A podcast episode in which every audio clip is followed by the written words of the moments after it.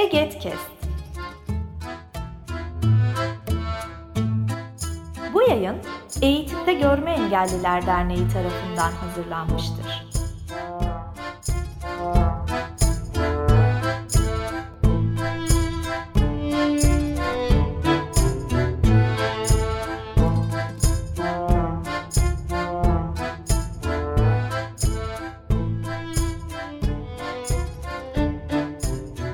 Çözüm Zamanı Egetkes serisinden herkese merhabalar. Bugün 6. programımızla sizlerle birlikteyiz. Ben Emre Taşkın.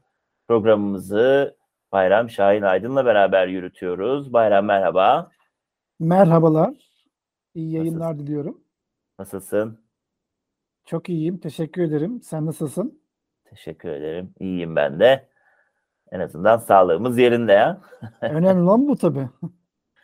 Yani son yıllarda sağlık birinci madde haline gelmeye başladı gündemde ve özellikle de son haftalarda yine salgının yoğun bir şekilde gündemde olduğunu söyleyebiliyoruz. Covid değilse bile. Sanırım bundan sonra hayat böyle geçecek. Yani çok şaşırtıcı ve beklenmedik bir şekilde sağlık gündemin birinci maddesi haline geldi senin de dediğin gibi. Bundan sonra da bu şekilde kalmaya devam edecek gibi görünüyor. Ama ülkenin gündeminde sağlık her zaman birinci sırada olmayabiliyor. Bir önceki yayınımızda da konuştuğumuz gibi 2023 yılının ilk yarısında gündemde seçim olacak. Biz de buradan hareketle bir önceki yayınımızın son bölümünde de başladığımız gibi engellilik ve siyaset konusuna değinelim e, diye düşünmüştük ve buradan devam edelim. Engellilik meselesinin siyaset üstü olup olmaması ile ilgili tartışmalar yürütülüyor. Bir görüş diyor ki engellilik siyaset üstü bir meseledir diyor. Ama bununla neyi kastettiği de tam olarak belli değil bu cümlenin. Ama bir diğer yanıyla da engellilik tam manasıyla politik bir duruştur. Engellilik politik bir meseledir diyen bir görüş de var. Sen bu noktada neredesin Bayram? Ben bu konuda birinci görüşü savunuyorum. Yani engelliğin siyaset üstü bir mesele olduğu kanaatindeyim. Çünkü hak arama süreçlerine baktığımız zaman ne zaman ki toplum kesimleri siyasi farklılıkları bir araya bırakarak bir ve beraber oldular. Ne zaman ki ortak ses çıkardılar, e, o zaman daha etkili sonuçlar aldılar. Öbür taraftan ne zaman ki işte günümüzdeki gibi siyasi kutuplara ayrışıldı. Ne zaman ki işte partilerin liderlerinin veya politikaların doğrultusunda sadece onları tekrar eder nitelikte görüşler tekrar edilir oldu. O zaman da kazanımlar birer birer kaybedildi. Bu sebeple ben engelliğin siyaset üstü ve siyaset ötesi bir mesele olduğu kanaatindeyim. Bu anlamda Türkiye'de bunun eksikliğini hissettiğimizi düşünüyorum. Kişisel olan politiktir diye bir söylemi vardır feminizmin. Bu 1960'lı yıllardan bu yana süre gelen bir söylemdir. Şimdi bunu engelliliğe uyarlayacak olursak sevgili Bayram, ne diyor siyasetçiler, sivil toplum örgütleri? Herkes cümleye şöyle başlıyor. İşte Türkiye'de engelli nüfusu şu kadardır. 2002 araştırmasına göre 12 milyondur. 2011 araştırmasına göre 6 milyondur diye başlıyor. Niye böyle söylüyor? Bence bu diyor önemli bir kitle diyor. Yani bu kitleyi dikkate alın. Bu kitle siyasette her şeyi değiştirebilir diyor mesela. Böyle başlanıyor cümleye. Haliyle engelliler aslında e, bakıldığında önemli bir kitleyi oluşturuyor. Bugün sosyal desteklerden bahsettik daha önceki yayınlarımızda. E, sosyal destekler evet bir bakıma devletin sosyal devlet olma özelliğiyle ilintili olduğu için veriliyor ama diğer yandan bu desteklerin fazla olması veya az olması seçmen üzerinde bir etkiye sahip. Diğer yandan bakıldığı zaman engellilikle ilgili kararları siyasetçiler oluyor.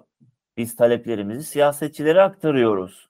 Haliyle engellilik gerçekten siyaset üstü bir mesele midir? Ben bu noktadan tam emin değilim. Fakat şu noktada senle aynı düşünüyorum.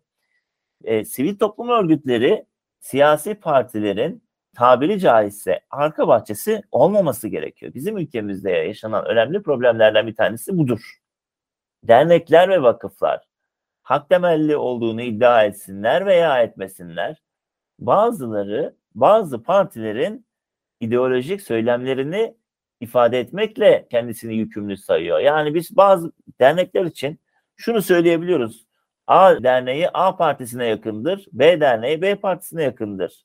Yani bunu söyleyebilmek anlamlı değil. Bu halde ilgili partilerin engellilikle ilgili olumsuz tavırlarına da eleştiri getirilemiyor veya bu ilgili parti kendi söylemini alanda meşru kılmak için derneklerden yararlanıyor. E bakın diyor bu X Engelliler Derneği de bizim partiyle aynı düşünüyor diyor. O zaman da biz e, taşa eklamaya çalışıyoruz pirincin içinden. Ben de böyle bakıyorum. Tabii senin bakış açınla ilgili de özellikle altı çizilmesi gereken noktalar var ama e, ben e, şu an Türkiye'nin içinde bulunduğu e, politik düzlem itibariyle ve hak arama bilincinin geldiği nokta itibariyle engelliğin siyaset üstü olduğu e, fikrinin yaygınlaşması gerektiğini düşünüyorum.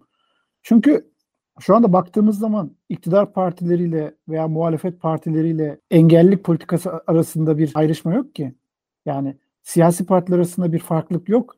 Engellerle ilgili işte A partisi ben şu politikayı uygulayacağım, şu politikayı destekliyorum diyor da B politikası hayır o değil de bunu destekliyorum demiyor ki. E, dolayısıyla e, bir daha çok birlik ve beraberlik sağlamak ve daha etkili bir güç oluşturmak açısından bütün siyasi partilere STK'ların eşit mesafede durması ve buraya kadar seninle en fikir olduğumuz noktaydı. Onun da ötesinde e, engellilerin bu meseleyi siyaset üstü yalnızca bir hak arama meselesi olarak görüp buna göre pozisyon almaları gerektiğini düşünüyorum.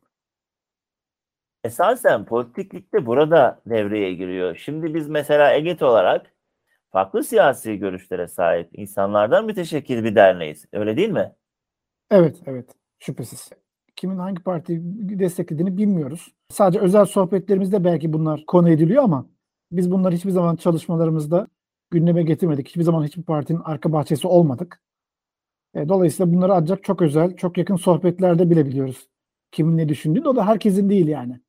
Bu samimiyetle ilgili bir durum. E, dolayısıyla kimin ne düşündüğü gerçekten e, genel itibariyle belli değil siyasi platformda. Ve biz bu kişileri ortak bir noktada buluşturmaya çabalıyoruz. Yani yıllar içerisinde en hassas olduğumuz şeylerden bir tanesi bu oldu. Ve dördün üzerinde puan aldı mesela bu en son e, EGET değerlendirme anketinde. 2019 yılında 3.97 idi. E, EGET işte bütün siyasi partilere eşit mesafede yaklaşıyor. Ve bu 2022 anketinde dördün üzerine çıktı. Böyle politikanın yoğun olarak yaşandığı bir ülkede bu puanı ben e, yüksek buluyorum yani. 5 üzerinden bu arada değerlendiriliyor. Ve çok önemli. Ee, kes, kesinlikle. Demek ki 3 yılda da e, mesafe kat etmişiz yani kitlemiz gözünde böyle değerlendiriliyoruz. Hatta bazen bunu, bu nedenle de eleştiriliyoruz yani. Ee, bir partiye, bir ideolojiye yakın durmadığımız zaman oraya yakın olan kişiler tarafından eleştiriliyoruz yani. Biz sağcı olmakla da solcu olmakla da itham edilmişizdir e, geçmişte. Fakat biz genelde yine de camiada ve üyelerimiz arasında ve kitlemiz arasında bu özelliğimizle biliniyoruz. Fakat bizim bu kitleyi burada birleştirebilmemiz meselenin hak temelli bakış açısıyla ilişkili senin de söylediğin gibi. Burada önemli olan bu hak mücadelesini yürütürken nasıl bir yerden meseleye baktığımız. Biz meseleye partilerle ilgili bakmıyoruz. Hak talebiyle bakıyoruz. Belediyelerle de bugün iletişim halindeyiz. Ee, bakanlıklarla da iletişim halindeyiz. Tabii ülkenin son e, 20 yılında aynı partinin kurduğu hükümetler iş başına geldiği için sanki belli bir partiye odaklıymışız gibi de algılanabiliyor. İşin böyle bir yanı var. Ama son yıllarda yerel yönetimlerdeki çeşitlilik e, aslında bizim ne demek istediğimizi daha iyi gözler önüne seren şeyler ortaya koyuyor. Biz belediyeleri de bakanlıkları da eleştiren bir yaklaşım tarzına sahibiz. Elbette bence bu duruşu korumak da zaten çok önemli. Evet bu anlamda düşündüğümüz zaman hani engelliğin de evet, politik bir tarafı var aslında.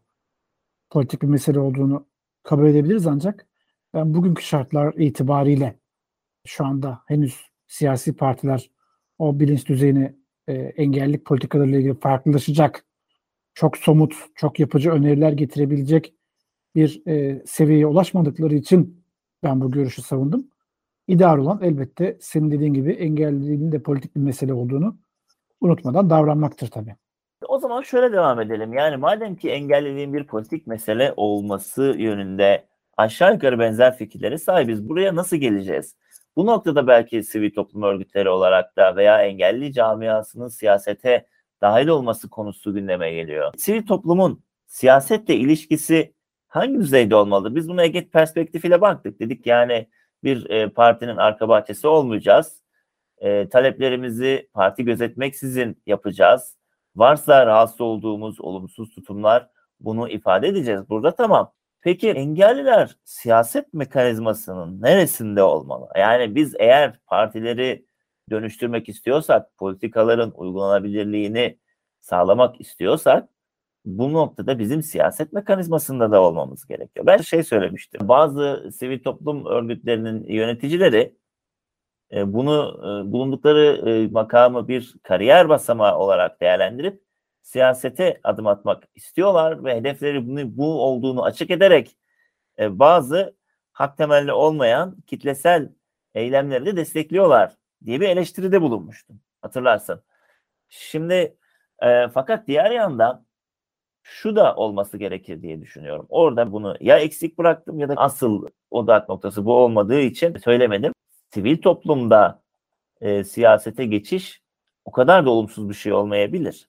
Neden? E çünkü sahayı bilen bir kişi siyasete dahil olmuş olacak. Bu akademisyen de olabilir, sivil toplumcu da olabilir, farklı bir meslekten de geliyor olabilir ama eğer engellileri temsilen bir kişi siyaset kademesine dahil olacaksa sahayı bilmesi lazım. Biz farklı partilerin sahayı bilmeyen engelli vekillerinin engelliliği temsil etmeleri nedeniyle çok fazla olumsuz e, şeyler yaşadık geçmişte.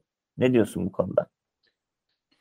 Evet yani e, baktığımız zaman engelli milletvekilleri e, ne kadar hak temelli bir bakış açısıyla yasama faaliyetlerini yürüttüler. Bu gerçekten üzerinde durulması gereken bir nokta. Ya da engelleri ne kadar iyi temsil ettiler. Engelleri aciz, işte muhtaç, yardıma ihtiyacı olan kişiler olarak mı gösterdiler yoksa hak düşüncesinin öznesi, hak sahibi, e, lütuf değil hak beklentisi içerisinde olan yani gerçekten kendini e, ileriye taşımak için yola çıktığında pek çok engellemeyle karşılaşan e, bir kitle olarak mı gösterdiler? Ben zannediyorum daha çok e, ilk e, görüş öne çıktı. Öyle ki işte siyasi partiler ve işte milletvekillerinin tabi olmaları gereken iç tüzükteki bir hükmü esnetmek için biz işte bir milletvekilinin e, gerçekten engelleri aciz e, gösterecek bir takım açıklamalarda bulunduğunu, beyanlarda bulunduğunu öğrenmiştik. Yani orada önemli olan şey olmuyor.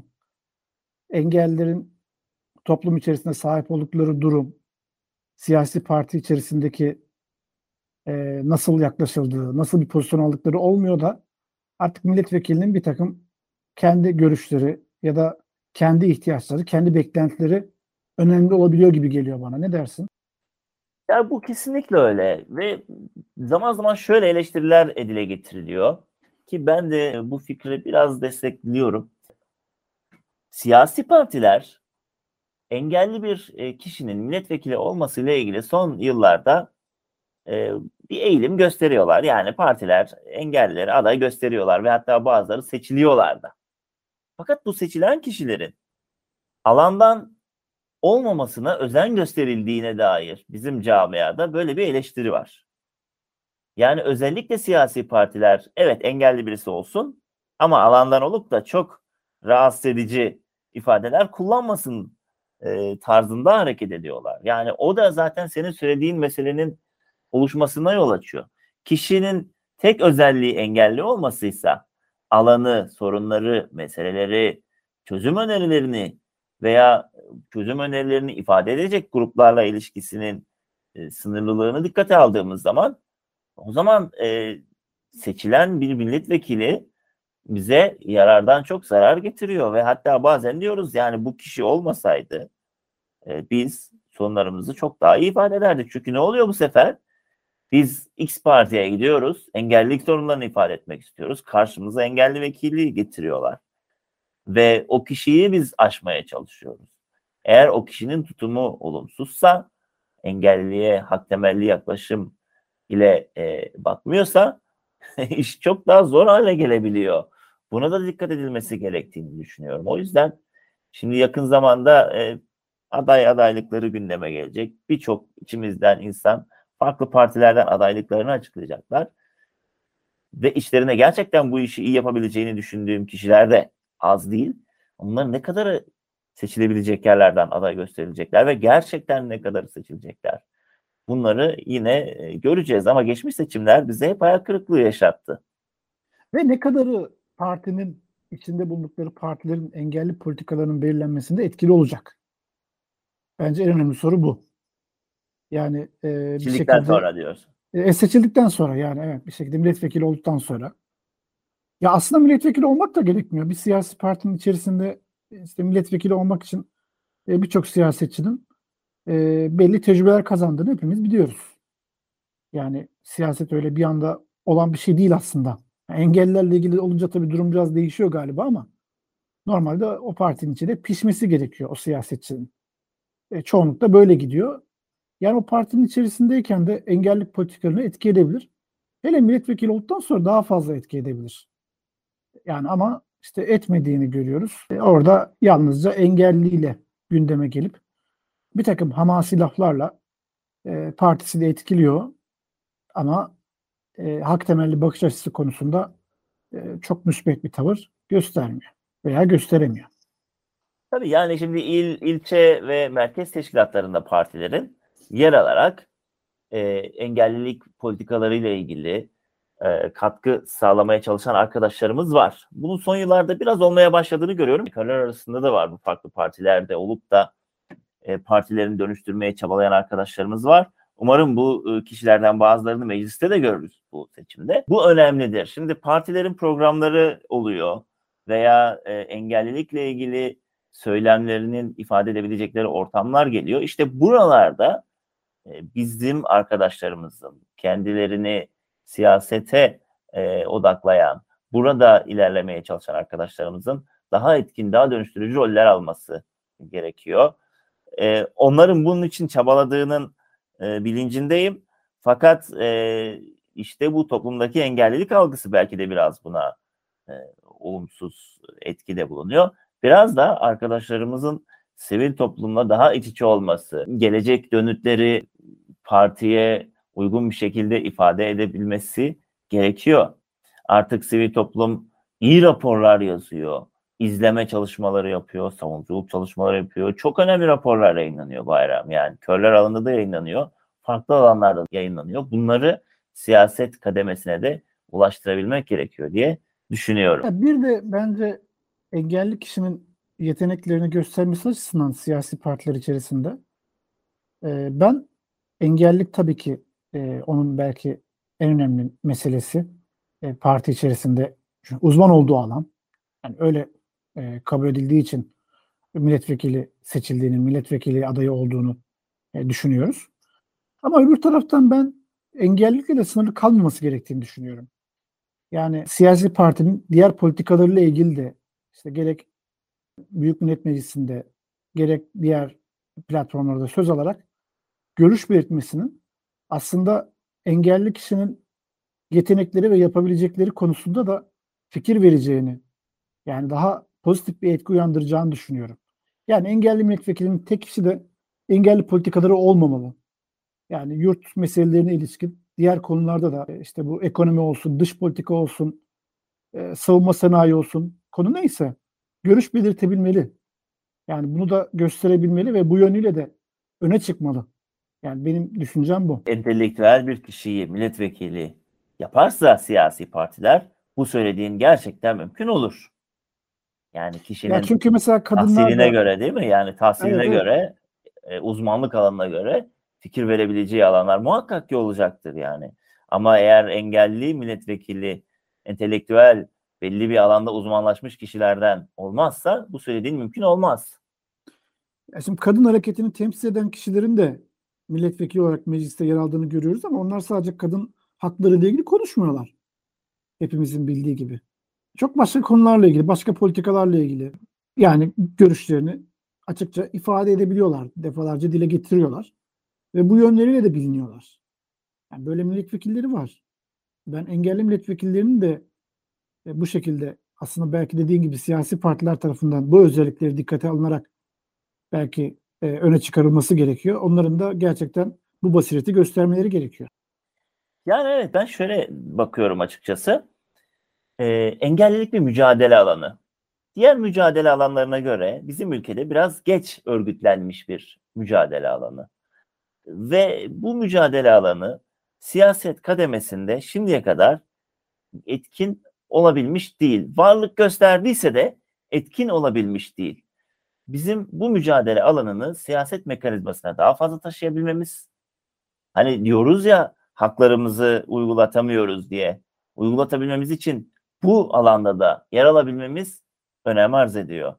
Ve bunu yapabilecek kişiler de nitelikli, entelektüel, belli bir birikime sahip engelli kişilerle olabilecektir. Bizi olmadan biz siz asla diyorsak bunu siyaset kademesinde de böyle olmasını sağlamamız gerekiyor. E, ben açıkçası işin bu yanıyla e, siyaset meselesine bakıyorum engellerin siyaset kademesinde. Yani bu milletvekili olabilir, parti meclislerinde yer alabilir, belediyede olabilir, farklı e, alanlarında olabilir partinin. E, bunu yaptığımız zaman biz engellilik mücadelesini e, siyaset alanında da yürütebileceğiz ve kazanım elde etmemiz çok daha kolay hale gelecek diye düşünüyorum. Bu yönüyle zaten engelliliğin politik bir mesele olduğunu hani başa dönecek olursak e, düşünüyorum. Ve tabii ki EGET olarak şimdiye kadar yaptığımız gibi biz bir e, siyasi partiye veya bir ideolojiye sempati duymayacağız ve hak temelli bakış açısıyla karar mekanizmasında olan her kişi ve kurumla e, ilişkimizi yürüteceğiz, sürdüreceğiz ve hak talep etmeye devam edeceğiz. E, benim son olarak bu konuyla ilgili söyleyeceklerim bunlar. Sen ne söylemek istersin Bayram? Evet bu konuyla ilgili ben sana katılıyorum. Ee, tabii seçimler de yaklaşıyor. Sen de yayının başında ifade ettiğin gibi. Bu anlamda bundan sonraki kısmı da bence konuşmamız lazım. Yani seçim öncesi e, nasıl bir duruş sergilemek lazım? E, siyasetten beklentilerimiz neler? Dilersen biraz da bunları konuşalım yayınımızın son kısmında. Evet yani şimdi partiler vaatler açıklıyorlar üst üste ama engellilikle ilgili açıklanan vaatlerde erişilebilirliği ben görmüyorum. Toplumun olumsuz ön yargılarını giderecek şeyler görmüyorum. Var olan mevzuat eksikliklerinin giderilmesiyle ilgili şeyler görmüyorum. Parti programlarına veya geçmişte partilerin yaptığı şeylere baktığımda çoğu için söylüyorum bu arada. Yani arada bazı şeyler var bu arada yani. Kendisini dönüştürmeye çalışan partiler var. Hatta paylaşımlarında erişilebilirliğe dikkat eden partiler var. Bunlar da yok değil. Hiç yok değil. Sıfır noktasında değiliz ama bunu parti tabanına yayamamış durumda herkes. E, buraya doğru bir yönelim söz konusu olması gerekiyor diye düşünüyorum. Ve bunun olabilmesi için yani engelli seçmeni ikna edebilmeleri için de işte e, gerçekten partilerin güvenilir kişileri, alandan kişileri aday yapmalarını önemsiyorum açıkçası Bayram. Yani bu böyle olur. Yani biz partilerin engellilikle ilgili politikalarının samimi olduğuna bir söylemlerine bakarak inanırız. Geçmişte neler yapmışlar ona bakarız. Bir değişim söz konusu olacaksa onu hangi dille yapmışlar? Hak temelliliğe vurgu yapmışlar mı? Ona bakarız. Ve bir de kimler tarafından bunlar dile getiriliyor? Buna bakarız. Ben böyle bakıyorum yani. Yani aslında diyorsun ki engelliler siyasette daha fazla yer almalı. Daha fazla söz sahibi olmalı. Yani tabii ki burada partilerin görev vermesi önemli ama sanırım e, engelli siyasetçilere de burada önemli bir iş düşüyor veya engelli olup siyasetçi olmak isteyen bireylere de bu anlamda e, önemli bir çaba düşüyor. Çaba göstermeleri gerekiyor. Belki daha cevval, daha cesur, daha girişken olmaları gerekiyor bu anlamda. Kesinlikle, kesinlikle. Yani madem ki e, uygulanacak politikaları e, karar alıcılar belirliyor, o zaman o karar alıcılardan biri de biz olmalıyız. E biz diyoruz ya şimdi işte üniversitelerde engelli birimlerinde engelliler olsun, işte kütüphanelerde engelliler, yani her alanda engellilikle ilgili politikaları belirleyecek kişiler arasında engeller olsun. E o zaman siyasette de olsun. Evet, evet. Ve sen bir önce erişilebilirlik dedin. E, bence şu an seçimlere birkaç ay kaldığı bu dönemde bence en önemli gündemimiz de dijital erişilebilirlik olmalı. Çünkü hala kamu kurumları, çeşitli kamu kurumları da dahil e, işte birçok kurumun veya birçok şirketin e, işte web tabanlarının, e, mobil uygulamalarının görme engelliler açısından erişilebilir olmadığını görüyoruz üzüntüyle. E, bunun yolu da e, erişilebilirlik kriterlerini saptayan ve bu kurumları, şirketleri erişilebilirlik kriterlerini karşılamaya zorlayan bir yasanın, bir mevzuatın varlığına bağlı. Bence engelli kamuoyu olarak en önemli talebimiz de bu olmalı. Bu kalan kısa süreli dönem içerisinde. Evet, hadi bakalım. Partilerden birisi ben bu konuda bir düzenleme yapacağım desin. Bunu delirtelim bakalım. Delirtebiliyor muyuz? Sivil toplum olarak gücümüzü görelim. yani kesinlikle haklısın. Evet. En azından e, bizim burada bir çağrımız olsun. E, tabii kesinlikle. örgütlerine. E, Dijital Kesinlikle. gerçekten önem vermeleri lazım. Çünkü e, ya son yıllarda zaten önemliydi ama özellikle pandemiden sonra e, bu dijital alandaki e, hizmetler, çalışmalar çok daha büyük bir önem kazandı. Ama biz engellilerin genel olarak unutulduğunu görüyoruz. E, bir uygulama en başta erişilebilirken bir sonraki güncellemede bir anda tamamen erişilemez, erişilemez hale geliyor. Demek ki bununla ilgili bir e, zorunluluk getirilmesi lazım. Yani devlet otoritesi tarafından. E, Başka türlü bu işler düzelmez. E, bunun için de sivil toplum örgütlerinin her zaman söylediğimiz gibi bir arada olmasına, birlikte gür bir ses çıkarmasına ve tek yürek olarak davranmasına ihtiyaç var. Aynen öyle. Evet, programımızın sonuna geliyoruz.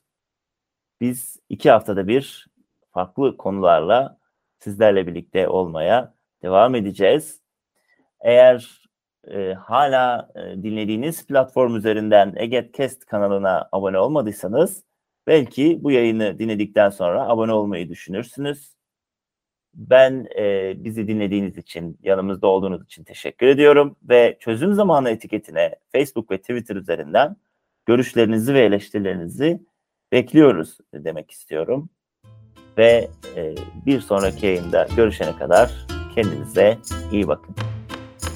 Hoşçakalın. Sen kalın Bu efendim. yayın Eğitimde Görme Engelliler Derneği tarafından hazırlanmıştır. Web sitesi eget.org Mail bilgi.eget.org Facebook Eğitimde Görme Engelliler Twitter et Eget İletisim Instagram Eğitimde Görme Engelliler